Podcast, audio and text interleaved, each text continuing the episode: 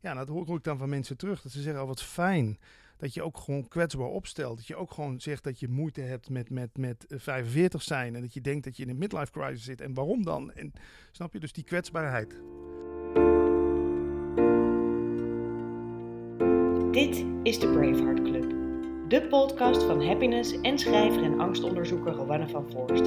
Waarin we in gesprek gaan met moedige mensen. Vrije denkers. Mensen die tegen de stroom in durven te gaan. En die daarvoor kleine en grote angsten overwonnen. Mensen die soms bang waren, maar besloten dat iets anders belangrijker was. Patrick Kikke had het allemaal. Hij was een bekende radio-dj, onder andere voor Veronica en 3FM. Hij verdiende behoorlijk wat geld en reed dikke auto's. Maar het maakte hem niet gelukkig. Wel burned out. En dus gaf hij zijn droombaan op. Om te gaan leren over geluk en zingeving. En nu is hij host van de Leven zonder Stress podcast en schrijver van het gelijknamige boek. Vandaag spreek ik met radio-dj, podcast-host en schrijver Patrick Kikker. Alright. Um, Patrick, fijn dat ik bij je op bezoek mocht komen. Ja. In jouw eigen studio. Ja. Een beetje bovenop de bovenste verdieping van je huis. Ja. De Man Cave. Ja, warme plek.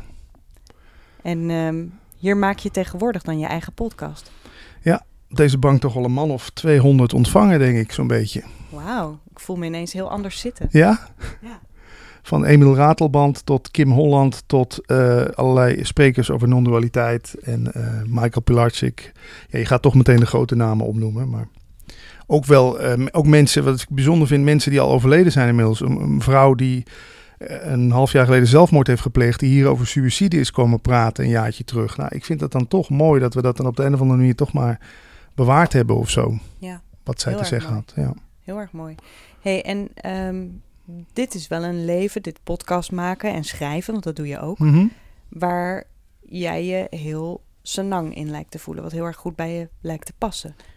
ja, het is wat minder direct en vooral dat live aspect van radio ging me zo tegenstaan. Je zendt het uit en het is weg.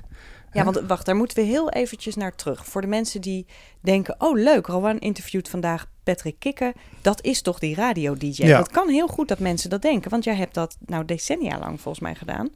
Ehm 3FM, Veronica. Ja, twintig jaar lang.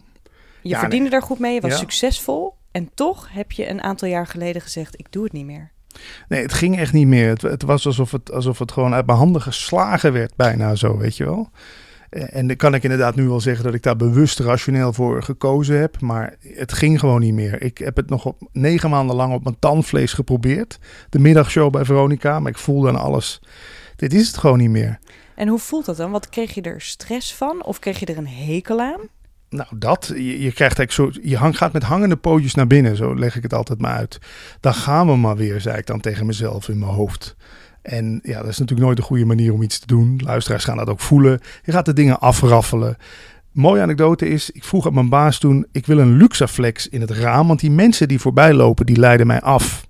En toen zei iemand tegen mij, eh, iemand die ik sprak voor deze interview of voor eigen interviewreeks, dat is niet omdat die mensen jou afleiden. Jij wil daar gewoon niet meer zijn. Ben nou eens eerlijk tegen jezelf. Je staat al met één voet buiten de deur. Daarom ben je zo afgeleid de hele tijd. Dus toen wist ik ook van ja, dit, dit duurt niet meer lang. Dit kan niet meer. Dit is niet eerlijk. Dat is toch interessant aan mensen dat we blijkbaar, want dat hoor ik dan een beetje aan je verhaal en dat herken ik wel een beetje, dat we dan heel goed zijn in het toch nog maar je best doen. Ja, Waarom, want wa- waarom stopte je niet eerder, denk ja, je? De, de schijnveiligheid, zullen we maar zeggen dan. Hè? De, ik was in vaste dienst, ik kreeg een heel mooi salaris. Toch een beetje de naam en de faam. Je hebt iets bereikt waar anderen van zeggen... Goh, je bent wel echt... eh, je hebt wel de top bereikt, hè? Dat geef je toch niet zomaar op? Weet je wel, misschien als het een baantje als, als vuilnisman was geweest... Niet dat dat minder is, maar in de beleving heeft dat minder Heeft een mindere status, Ja, ja? dan had ik daar misschien eerder mee gestopt. Maar dit, ja. Nu nog zijn er mensen die het niet begrijpen dat ik niet weer aan het vechten ben om terug in die wereld te komen. Dat snappen ze niet. Dus ik zeg, je zal wel balen de hele dag, hè, dat je niet meer landelijk op de radio zit. Eh, nee. ja. Dus het waren de schijnwerpers. Nee, het, waren de, het was schijnveiligheid, maar ook de Ja, schijnwerpers. alles met schijn, ja. Schone schijn, ja. Het was gewoon niet meer wie ik was. Ik had, En wat is het moment dan geweest dat jij echt dacht, ik ga iets anders doen? Ik stop. Ja, dat was in september 2015. Ik wist eigenlijk op één dag, weet je het gewoon. Dat ja, dit gaat gewoon niet meer. En dat kwam ook, ik kreeg s'nachts paniekaanvallen, maar echt hele heftige. Dat je naast het bed staat te happen naar adem, weet je wel. Alsof je lijf gewoon zegt, stop, weet je wel, iets anders. Ik leg dat zo uit, hè. Het, kan, het kan ook iets anders geweest zijn. Maar ja, in die tijd veranderde heel veel. Mijn toenmalige relatie ging voorbij.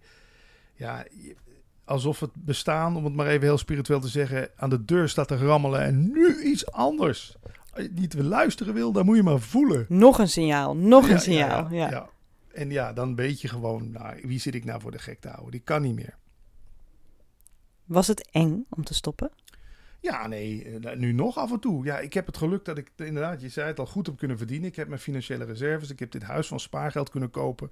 Dus dan heb je wel een soort veilige basis dat je het ook durft. Ik weet niet, als ik, als ik dat allemaal niet had gehad, of ik het wel... Ja, het, het, het is ook eng, want je, je, eh, hoe zeg je dat?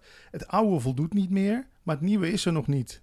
Dus ja, je stapt inderdaad als het ware ergens een bos in wat je nog nooit verkend hebt. En, maar ja, het heeft ook wel weer iets spannends natuurlijk. Want dat oude, dat verveelde me ook. Het verveelde me ook op iedere dag Guns N' Roses en Brian Adams en U2 te moeten afkondigen alsof het het mooiste op aarde is. Dat, dat wil toch geen enkel mens? Ja, want je draaide al lang geen, niet meer je eigen muziek, Nee, toch? Zeker niet. En de onderwerpen, dat werd ook steeds meer van tevoren bepaald. Dus ja, nee, ik, wa ik was er wel klaar mee. Alhoewel ik ook wel weer durf te beweren dat de ik in mij er helemaal niet klaar mee was. Want die ik wil juist die bevestiging van buitenaf.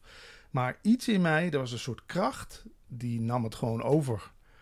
Een soort, wat jij dan noemt ook in ons gesprek, nieuwsgierigheid, een soort drive. Ja, dat is niet meer te ontkennen gewoon. Dat, Nee. staat, dat, dat vuurtje, dat wordt steeds verder opgepookt. Ja. Ja. En jij, jij refereert aan het gesprek wat ik net met jou had. Want we hebben even een, een podcast switch gedaan. Heel Ja. gezellig. Dus ik zit, als het goed is, binnenkort bij jou in de podcast Leven zonder stress. Daar hebben we net een gesprek voor opgenomen. En daar hadden we het inderdaad over van hoe was je als kind? Hè? Dat stukje denk ik dat je aan Ja. refereert. Van, eh, was je toen al een nieuwsgierige ja. jongen, een onderzoekende jongen? En dat ben je dus altijd geweest. En gauw verveeld ook. In school ook. Als het me niet interesseerde, ja, dan eh, keek ik gewoon naar dat raam. Het, het, en dit interesseerde me eigenlijk al jaren niet meer. Maar ja, dan zit je het te doen voor de vorm. Dus ja, nee, ik moest inderdaad weer ontdekken wie ik, wie ik echt was, zeg maar. Ja, maar dat is interessant, want dan gaat er, want, want je identificeert je met het zijn van een radio-dj. Dus wie was jij dan ineens zonder dat? Ja, eigenlijk veel, veel meer verlegen dan ik op de radio leek. Dat werkt nu nog wel eens in mijn nadeel. Want dan benader ik iemand voor een podcast of zo. Of iemand benadert mij. En dan denken ze, hé, weet je, zo ben je helemaal niet zoals ik jou ken van de radio. Met die flauwe grapjes en die snelle opmerkingen. En ja, nee, maar dat zat er dan blijkbaar onder. Ik moest van mezelf die roeptoeterende opschepper zijn bijna. Ja. En ja, die, die, die, die heeft zijn functie gehad, zullen we maar zeggen. Die is, die is niet meer wie ik ben. En misschien was ik het ook, ja, misschien was ik het ook wel in die tijd, maar op een gegeven moment stond het zo ver van me af. Ja, wat moet je dan nog? Ik moet, eh, ken je Rolf Wouters nog? Mhm. Zo'n tv-presentator, die was in de jaren 90 heel populair. Die is ineens van de een op de andere dag, wilde die uit de schijnwerpers. Die is in Portugal gaan wonen, die wilde niks meer met de media te maken hebben. Dat is voor mij wel een soort voorbeeld geweest.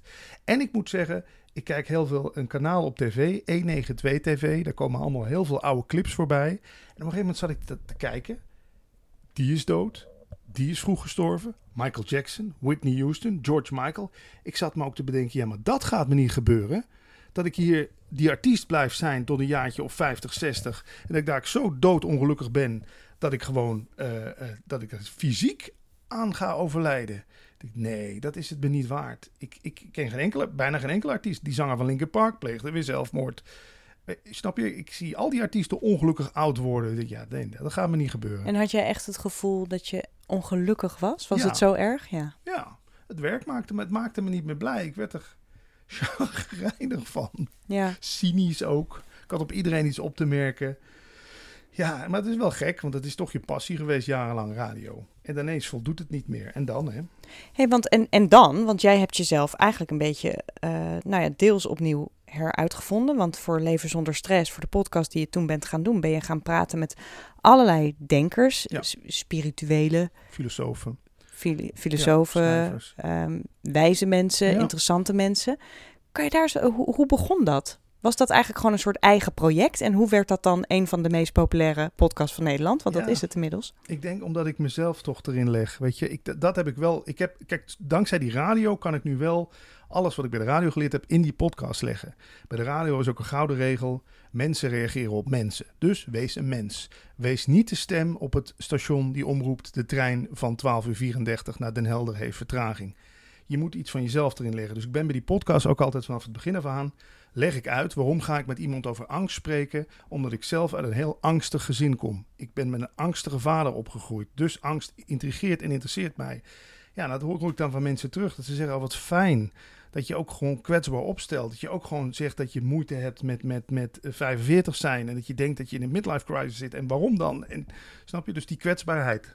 Dat heb ik geleerd bij de radio ook al. Dat staat in al die dikke radioboeken ook. Leg jezelf erin. Weet je, maak het van jezelf. Ja, Dat heeft geholpen. ja, Natuurlijk ook een beetje bekendheid met een be- bekendere naam. Kijk, misschien, jij dacht ook van, nou, niet, je kende hem een beetje, dus dan kom je ook al eerder hier naartoe. Dan denk je, het zal wel vertrouwd zijn. Ik heb eens van iemand gehoord, hij heeft een blauw vinkje op Twitter, dat is wel te vertrouwen. ja, en daardoor heb ik ook Eckhart Tolle bijvoorbeeld kunnen spreken van de kracht van het nu. Toen, eh, ja, dat ik toch, toen werkte ik nog bij Veronica en dan kon je wel zeggen, ja, ik, ik zend er ook een stukje van uit op de radio. ja. Dus het een helpt het ander wel. Ja, dus dat heeft je geholpen. Wat, wat denk je dat je, als je nu terugkijkt, hè, die, die periode van stoppen en daar je beslissing over maken, wat ga je daarvan meenemen? Wat heb je daarvan onthouden? Van, oh, dat voortaan of dat ga ik doorgeven aan jongere mensen. Van Ja. als je dat voelt, Oh ja, dat is een goeie. Ja, het, eh, dans, ik heb een mooie omschrijving al, danst je hart er nog van, weet je wel?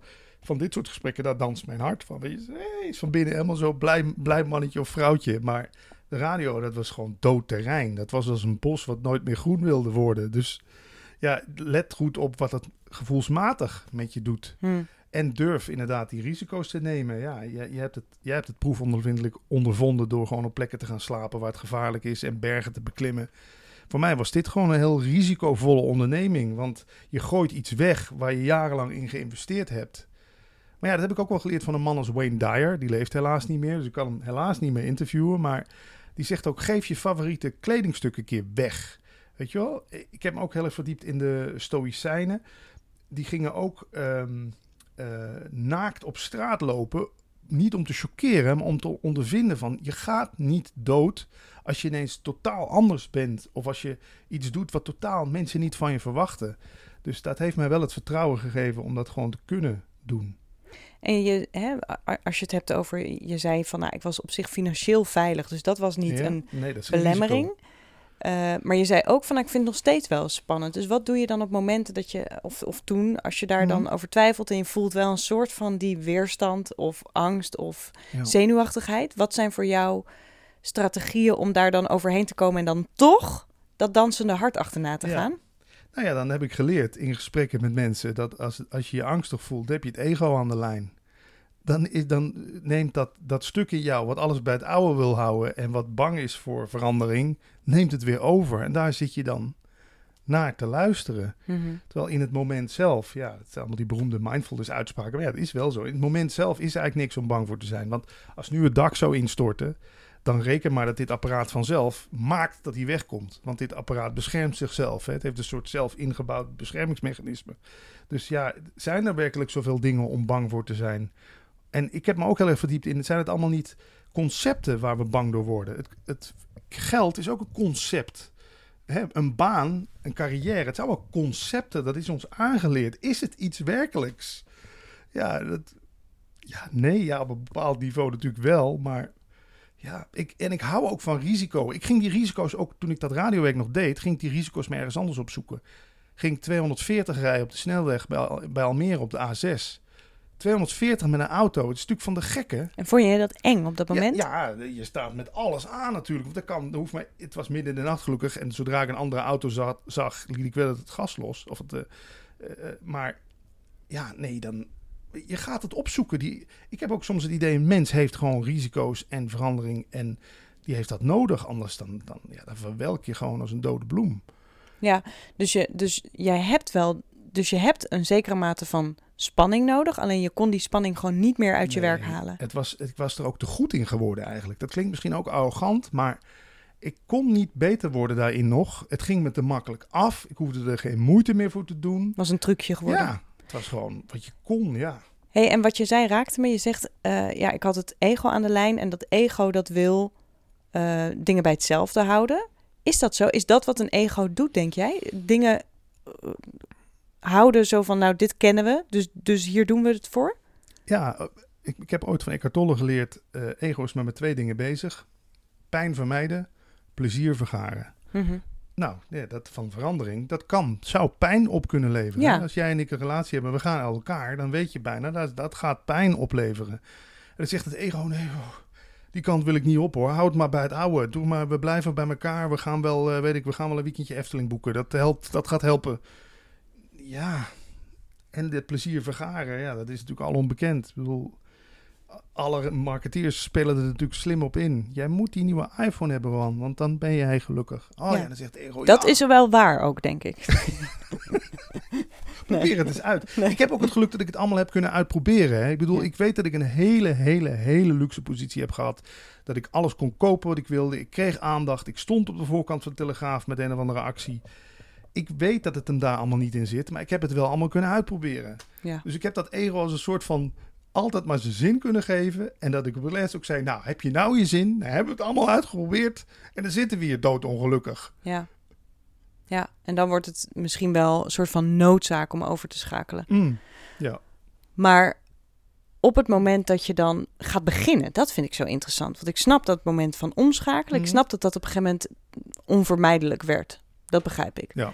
Maar dan moet je opnieuw gaan bedenken, wie ben ik dan? En dat ben jij direct doorgegaan in je eigen podcastserie? Of ben je gewoon gaan, ben je eerst gaan lezen en dacht je, ik wil die mensen gewoon zelf spreken, I don't care. Maar ik zet er dan maar een camera Ja. op. Het is een beetje langs elkaar heen gelopen. Ik werd natuurlijk steeds ongelukkiger van het radiowerk. Dus ik moest mijn heil gaan zoeken in spiritualiteit. Dat kon niet anders. Ik had het daarvoor al overal in gezocht. In, in eten, in seks, in aandacht, in kopen, iPhones. iPhones. Ja, en dan komt spiritualiteit. Dat kan dan de volgende verslaving worden. Dat werd het ook. Ik zat alleen nog maar Eckhart Tolle te kijken, te luisteren, te lezen.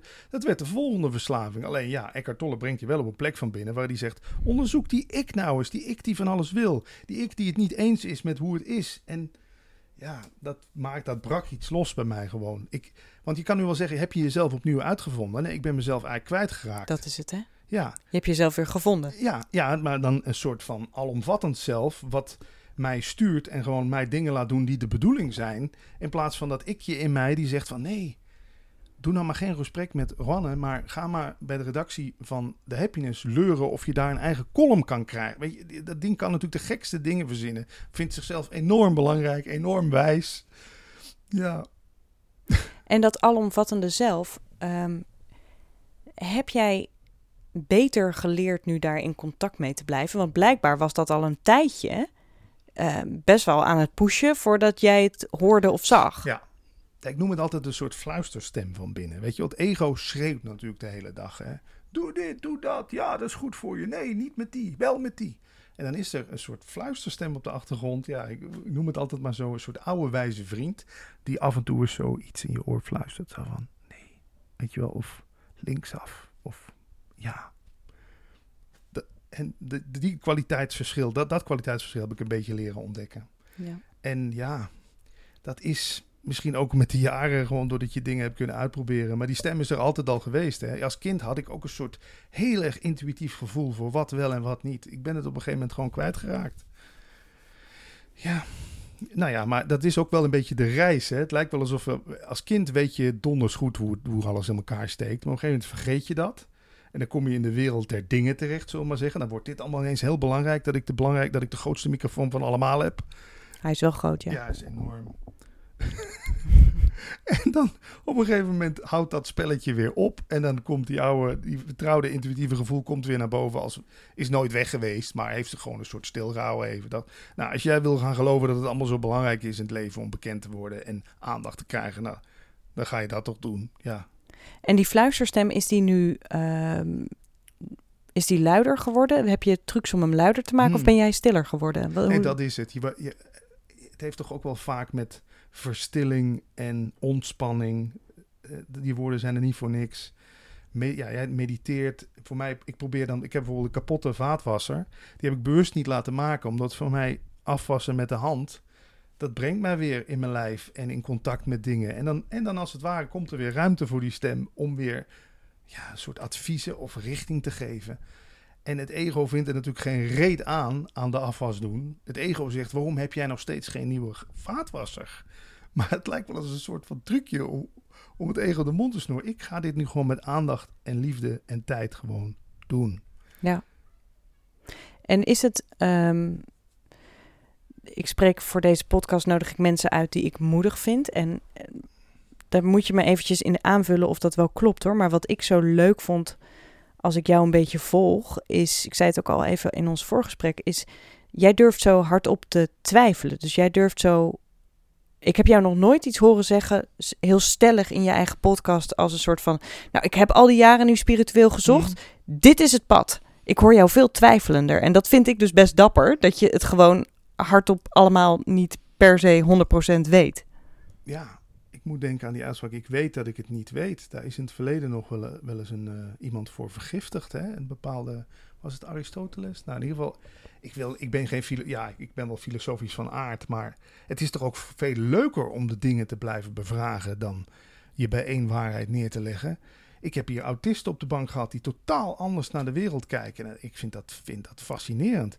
Maar ik vind ook een Emiel Ratelband die hier stellig zit te verkondigen dat de ene helft van je gezicht en de andere helft van het gezicht, als we, die, als we dat kopiëren, dan kan ik precies zien wat voor een karaktertype jij bent. Ik denk, ja, fascinerend dat jij daarin gelooft. En dan, en dan probeer ik daar iets uit te halen of zo, ja. Kan je, kan je met ons delen, wat, wat zijn voor jou een aantal, hè, laten we met één beginnen, maar misschien kom je nog op meer. Wat is nou een levensles waarvan je denkt, nou, dit inzicht, ik ben zo blij dat ik Ja. deze reis ben gestart en weg ben gegaan van de radio, want zonder dit inzicht was ik niet, dit heeft me zoveel gebracht. Nou, het is eigenlijk een uitspraak die in non-dualiteit heel veel gebezigd wordt. Hè, de filosofie waar ik me heel erg in geïnteresseerd heb. Maar wat eigenlijk al een uitspraak is van hele oude wijze indianen een paar eeuwen geleden. Die indianen zeggen, jij verschijnt niet in de kamer. De kamer verschijnt in jou. Wow, toen ik dat hoorde dacht ik, maar hoe, hoe kan dat nou? Hoe kan de kamer nou in mij verschijnen? Dan moet ik wel iets enorm groots zijn waarin de wereld tevoorschijn kan komen. En zo zien zij het. Zij zeggen, je bent gewoon bewustzijn, wat niet alleen dit poppetje is, maar ook de rest van deze voorstelling. En dat maakt je meteen een soort... Je, kan daar heel megalomaan gaan worden. Oh, ik ben dus blijkbaar de mogelijkheid tot een wereld. Nee, ik ehm, ben niet alleen sec, dit poppetje. Daardoor ga ik me ook veel verantwoordelijker voelen voor dat jij het ook naar je zin hebt. Dat we die arme diertjes niet eh, slachten. Dat, dat, dat het voor allemaal en iedereen leuk is. En dat heeft me een stuk nederiger gemaakt. Ja, dan kom je op onderwerpen als de vrije wil. Is er wel een doener? Ja, de non-dualiteit was life-changing echt voor mij. Dat heeft me bijna gered, als het ware. En ja, dat bevraagt heel erg die ik. Hè. Zit er in ons wel een doener van het gedane? Ben ik wel de denker van mijn gedachten? Ik had ook een enorme zak met schuld op mijn rug. Omdat ik vanaf kinds af aan werd mij verteld dat ik de doener ben van de, de- van de dingen. Ja, tot anderhalf, twee jaar oud vergeven we een baby nog alles. Hè? Want die weet niet beter, die gooit een glas om. Dat vinden we allemaal alleen maar schattig. Maar op een gegeven moment komt er in jou een soort van, wordt er een soort van doener gezet. Zo, vanaf nu ben jij verantwoordelijk voor alles wat je doet. En ik kan me dat nog herinneren als kind, dat ik ook dacht, ja, maar waarom? Mijn vader zei ook altijd tegen me, waarom ben jij toch zo? En dacht ik, ja, waarom ben ik toch zo? Ik, heb ik daar een keuze in dan, hoe ik ben? Of, weet je, ik werd heel zelfbewust gemaakt. Nou, dan komt er een filosofie voorbij, zoals non-dualiteit, die zegt, onderzoek nou eens die doener. Ben jij wel verantwoordelijk? Kijk, niet dat je verantwoordelijkheid weg moet schuiven, maar ben jij werkelijk voor alles wat je zegt, kan je daar een soort van claim op leggen dat jij dat gezegd en gedaan hebt? Ja, dat gaf zoveel vrijheid. Dat gaf me echt de vrijheid om niet meer bang te zijn het verkeerde te doen. Niet meer bang te zijn het verkeerde te zeggen. Heerlijk. Gewoon die, dat, dat, dat, dat, dat gewoon eens laten gebeuren wat er wil gebeuren. Ja. Snap je wat ik daarmee bedoel? Ja, heel goed Ja. snap ik daar. Ja. En, en dus ook jezelf kunnen vergeven als er dingen gebeuren of als je een pad hebt bewandeld waarvan je dacht, ach, ik, ja, dat was toen wat ik deed Ja. en nu. Dat was wat zich blijkbaar wilde afspelen. En de meeste schrijvers, artiesten weten het ook. Op een gegeven moment kom je in de flow, zeggen we dan. Hè? En dan komt het als vanzelf. Beethoven wilde op een gegeven moment ook geen Beethoven meer onder zijn symfonieën zetten. Maar van God gekregen. Die had op een gegeven moment door, het, het komt ook maar door mij heen. Ik ben een soort doorgeefluik van, hoe we het ook willen noemen, inspiratie, creativiteit. En dat wil zich uitdrukken. En dat gaat ineens een symfonie schrijven. En dan zetten we dan wel Beethoven onder. Het is handig om te weten dat het via Beethoven naar buiten is gekomen. Maar ja, ik, ik merk dat met die interviews ook steeds meer. Ik weet ook niet waar die woorden vandaan komen, waarom dit gezegd wordt. Daarom is het ook zo fijn om te doen. Je lost als het ware op in het gesprek. En ja, dat heeft mij heel veel vrijheid gebracht, als je het al zo wil noemen. Heel veel rust. Gewoon niet meer zoveel de claim leggen op alles wat je doet, zogenaamd. Geloof jij ook dat als je dat maar doet, hè, dat dansende hart achteraan, Mhm. en als je dat gevoel hebt dat je iets hebt gevonden in je leven waar je dus inderdaad opgelost bent, een, een groot deel van de tijd, dat het dan dus met die andere veiligheidsomstandigheden ook vanzelf wel goed gaat? Of zou dat ook heel risicovol kunnen zijn? Ja, ik, ik ken, ja, eh, als ik uit mijn eigen leven spreek, regelde het zichzelf allemaal wel. Ineens diende zich een sponsor aan voor leven zonder stress. Ineens. Een man die zei: Ik vind het zo belangrijk dat dit geluid ook te horen is in de media. Zeg maar wat jij nodig hebt om die podcast te maken. Wil jij een billboard langs de weg of wil je dat ik je gewoon sponsor per maand met dat je dat kan blijven doen? Ik heb daar niet om gevraagd. Ik, dat was er ineens. En ik ben het maar gewoon gaan volgen en gaan doen. En ja, ik weet dat het dan makkelijk praten is als je nog wat spaargeld op de bank hebt. Durf je het eerder misschien. Maar het is ook, ja, zijn er eigenlijk wel risico's? Wa- Wat is het grootste risico dan? Dat ik hier uit dit huis weg moet? Ja, kan ook alweer een opluchting zijn. Ik voel me soms ook nog wel een gevangene van mijn eigen spullen. Want ja, ik, als ik het me toe-eigen, maar als je gewoon ziet, ja, het staat hier toevallig, maar of het nou een kilometer verderop staat of hier. Het, is, het zit hem echt in de identificatie met alle dingen. Hè? Als ik heel erg denk dat ik mijn bankrekening ben, als ik heel erg denk dat ik dit gesprek ben, eh, mijn auto ben, dan kan het ook van me afgepakt worden. Het, is, het komt toch allemaal weer neer op die ik, waar we van alles aan vastkleven. En die ik is natuurlijk, het is ook heel eng om een ik te zijn. Bedoel, het is een soort kaartenhuis, wat de hele dag bij de minste of geringste windvlaag. Als ik me nu heel erg zou presenteren als de bekende disjockey, en dan komt hier Jeroen van Inkel binnen, dan dondert mijn kaartenhuis in elkaar, want hij is een bekendere discjockey. Dus dan komt dan, en als hij dan weer Edwin Evers zou tegenkomen, dan denkt hij weer, kut, dat is Edwin Evers, die is bekender dan ik. Ja, dus ik ga me niet meer te veel identificeren, ook niet met podcaster, interviewer, schrijver, want ja, dat vind ik nou net. Dat zijn risico's, je heel erg vastklampen aan iets. Ja, maar hoe doe je dat? Dus, dus probeer jij dan nu open te blijven voor, nou, ik ben nu, maak ik deze Leven zonder Stress eh, podcast, nu schrijf ik deze boeken, maar misschien hou, krijg ik ook daar weer een beetje het gevoel op een gegeven moment van, ik moet toch weer ergens anders Ja. heen?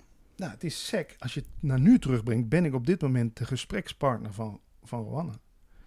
That's it. Ik ben op dit moment geen schrijver. Ik ben op dit moment geen podcaster. Want die, jij doet deze podcast. Het gewoon helemaal terugbrengen naar wat je op dat moment bent. Hm. En dat is zo. Dat is zo ik bedoel, als ik het moment dat ik daar met mijn moeder bel, ben ik de zoon van mijn moeder die met, haar met zijn moeder aan het bellen is. Snap je? En als je ook durft de hele tijd zo te schakelen. Ik, ik maak altijd de vergelijking met zo'n Viewmaster van vroeger. Ken je dat nog? Ja, Dan keek je in en dan zag je een landschap. En je Ja. deed klik, volgende landschap. Of, Mm. of ineens een druk gebouw. En klik, ineens oorlog. Klik, ineens mooie natuur. Misschien is dat wel wat wij zijn. Wij zijn een soort mogelijkheid tot een wereld waarin de hele tijd allerlei diaplaatjes tevoorschijn komen. Maar wij proberen daar een soort vast iets uit te halen. Dit ben ik. In die hele, in al die plaatjes zit ik. Ja, lastig.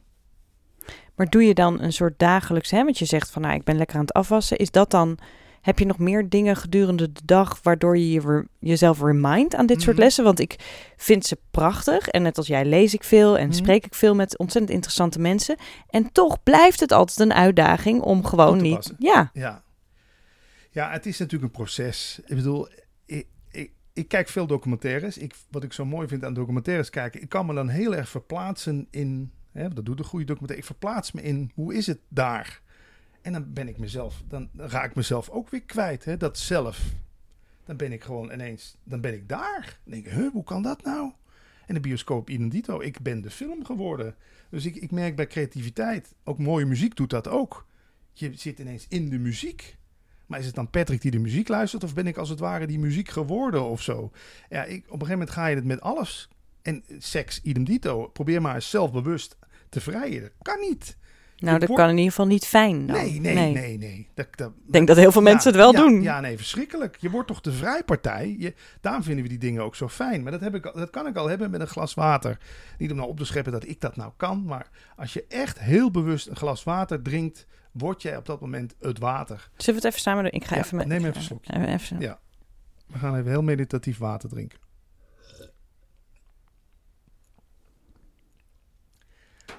Weet je wat nou ook het grappige is?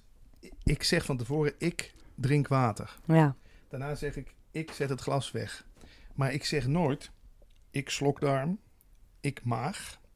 Ik, ik, pas als het eruit komt, zeg ik weer, ik plas. ja. Dus we plakken die ik op alles. Terwijl in het, in het ding zelf, wat we zo fijn vinden, dat glas bier, dat drinken, dat vrijen, dat dansen, daar zit geen onderzoek maar. Zit daar een ik in?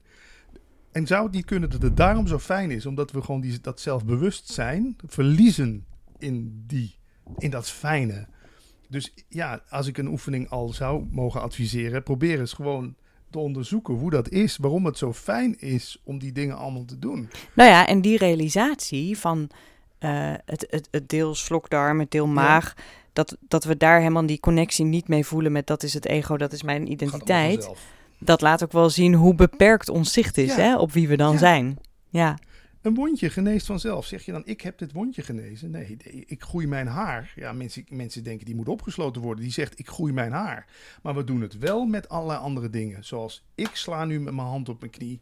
Ik rij auto. Je ken, ik, heb je een rijbewijs? ja, autorijden kun je ook soms op een gegeven moment... Je wordt als het ware de auto en je rijdt vanzelf. En pas als er een ongeluk is gebeurd, zeggen we... Oh, wat ben ik weer stom geweest dat ik dat paaltje niet heb gezien. Mhm. Het is wel grappig hoe we die ik, in India noemen ze dat ook Aram Kara, de ikmaker in ons, die overal maar labels opplakt. Dat heb ik goed gedaan, dat heb ik fout gedaan. Dit is mijn succes, dit zijn mijn falen. Eh, hier heb ik gefaald. Ja, ik vind, ik, dat heeft zo, als je dat door hebt, dat mechanisme, dan stopt, dan het dooft als het ware een soort van uit. En denk jij dan nog na over jouw toekomst? Of blijf jij zo in het nu dat je zegt, nou ja, nee, ik ben gewoon nu met Rowanne aan het praten. En dus ik denk niet na over het, waar ik over Ja, vijf jaar wil staan. Zelden. Want ik weet dat ik het niet in de hand heb. Ik, en dat klinkt misschien heel doelloos en nihilistisch, maar het kan als het ware, als jij daar naar buiten loopt, of samen lopen we naar buiten, het kan, er komt een bus aan, we zijn er allebei niet meer. Hè? Zo kwetsbaar is het leven. Alleen wij zijn in gaan geloven in dat wij een soort onschendbaar zijn, dat wij Controle hebben. controle hebben, dat we ons overal voor kunnen verzekeren. Maar het kan van het ene op het andere moment gewoon afgelopen zijn. En er zijn er talloze voorbeelden van. Alleen dat die kwetsbaarheid, die zijn we de hele dag een soort van aan het verhullen. We, durven dat niet in de ogen te kijken, dat beest. Dus denken we maar dat we overal verantwoordelijkheid voor zijn. En zolang ik maar goed nadenk, gebeurt mij dat niet. Nou ja, wat moeten die mensen dan bij MH17? Die zijn dat vliegtuig ingestapt, volle vertrouwen. We gaan op vakantie. Boom, afgelopen. Ja, en dan komt weer dat hele mechanisme op gang. Daar moeten we de dader van vinden, de schuldigen van vinden. Wie heeft dat gedaan? Die arme mensen. Ja, ik weet, dat is het systeem waar we in leven, maar ja. En dus zeg jij, ehm, juist die kwetsbaarheid wel aankijken. En dan, ga dan ook maar luisteren naar waar dat dansende hart dan naartoe wil in de periode dat we zijn. Ja, waar, waar het zich naartoe beweegt. En ja, Is, is dat voor jou, sorry, ehm, mag je ook even over nadenken. Maar ik vraag altijd aan al mijn gasten, wat is moed voor jou? En ik denk ineens, misschien heb je daar dan net antwoord op gegeven. Dat dan maar gewoon volgen of zo? Of daar dan maar gewoon naar durven kijken? Zoiets? moet is toegeven dat je het niet weet. En dat het bestaan, wat dat betreft, heel, heel, heel, als je toch vanuit een ik-bril wil bekijken, onzeker is. Je weet het niet. We denken het te weten, maar we weten het niet. En ook non-dualiteit is niet de absolute waarheid, maar het verwijst wel naar een soort speelveld waarin alles mogelijk is. En waarin dus, ja, ja dat vind ik gewoon het mooie voorbeeld. Er is een man geweest die in Auschwitz heeft gezeten. Daar is ook een boek van, hè? Victor Ja. Frankl heet hij. Die zelfs in die erbarmelijke omstandigheden helemaal senang in zichzelf kon zijn. Ja. Nou, wat leren we daarvan? Dat de omstandigheden er dus eigenlijk ook niet zo gek veel toe doen. We denken nu dat dit dak op dit huis ons gelukkig maakt, zodat we niet nat geregend worden. Maar dat is helemaal niet, dat weet je helemaal niet. Voor hetzelfde was het wel heel fijn geweest er nu regen op ons viel. Of om maar aan te geven dat die, we denken maar steeds, de perfecte omstandigheden, perfecte partner, perfecte huis, perfecte auto. Dan word ik gelukkig. Nee, nou zo'n man bewijst voor mij dat geluk iets is wat je inherent al bij je hebt. En dat de omstandigheden er hooguit iets aan bijdragen. Maar Ja, dan, is, dan is, heeft het eigenlijk ook te maken met ehm, open blijven voor wat er kan gaan gebeuren. En dan ook maar vertrouwen dat dat misschien ook net zo goed zou kunnen zijn. Het, zeg maar, goed en Geen oordeel Ja, opplakken. nee, goed en slecht is natuurlijk ook maar iets van het ego wat dat labelt als comfortabel of niet comfortabel. Ik- Volgens mij heb- hoorde ik jij er ook over spreken of ga ik erover schrijven dat, dat die comfortzone, dat is natuurlijk iets wat ons enorm gevangen houdt in die ik. Weet je, koffie om half negen, tien uur naar bed, acht uur eh, ontbijt. Het lijkt allemaal wel, oh heerlijk, dan heb ik mijn leven onder controle. Maar het is toch ook oer en dood saai. Om iedere dag maar op die manier, dat is toch, ja, dat is geen leven eigenlijk Nee. denk ik. Op naar een leven zonder controle. Ja, en, en ja, durf het eens aan het toeval over te laten. En daarom gaan we ook zo graag op vakantie, toch? Nieuwe bossen verkennen, nieuwe plekken komen. Zwaar. Of nieuwe podcast beginnen, Ja. nieuwe carrière. Ja, of, of gewoon het, het oude durven los te laten. Maar uiteindelijk, als er dan toch geen ik is, laat het oude, ik durf dan zo te praten, het oude laat jou los. Alleen, je kan je nog heel lang spartelend verzetten. Hè? Nee, ik wil niet het koude water in, ik wil... En ineens ga je gewoon. En dan lig je in het koude water en dan blijkt het heerlijk te zijn. Ik vind hem prachtig om mee te eindigen. Het oude laat jou los. Ja. Dankjewel. Jij ook. Dit was hem alweer, de Braveheart Club met Braveheart Patrick Kikken. De podcast van schrijver Rowanne van Voorst voor de Happiness. Wil je meer weten over Patrick Kikken? Kijk dan op happiness.nl slash braveheart. Ook voor oudere episodes. Tot gauw!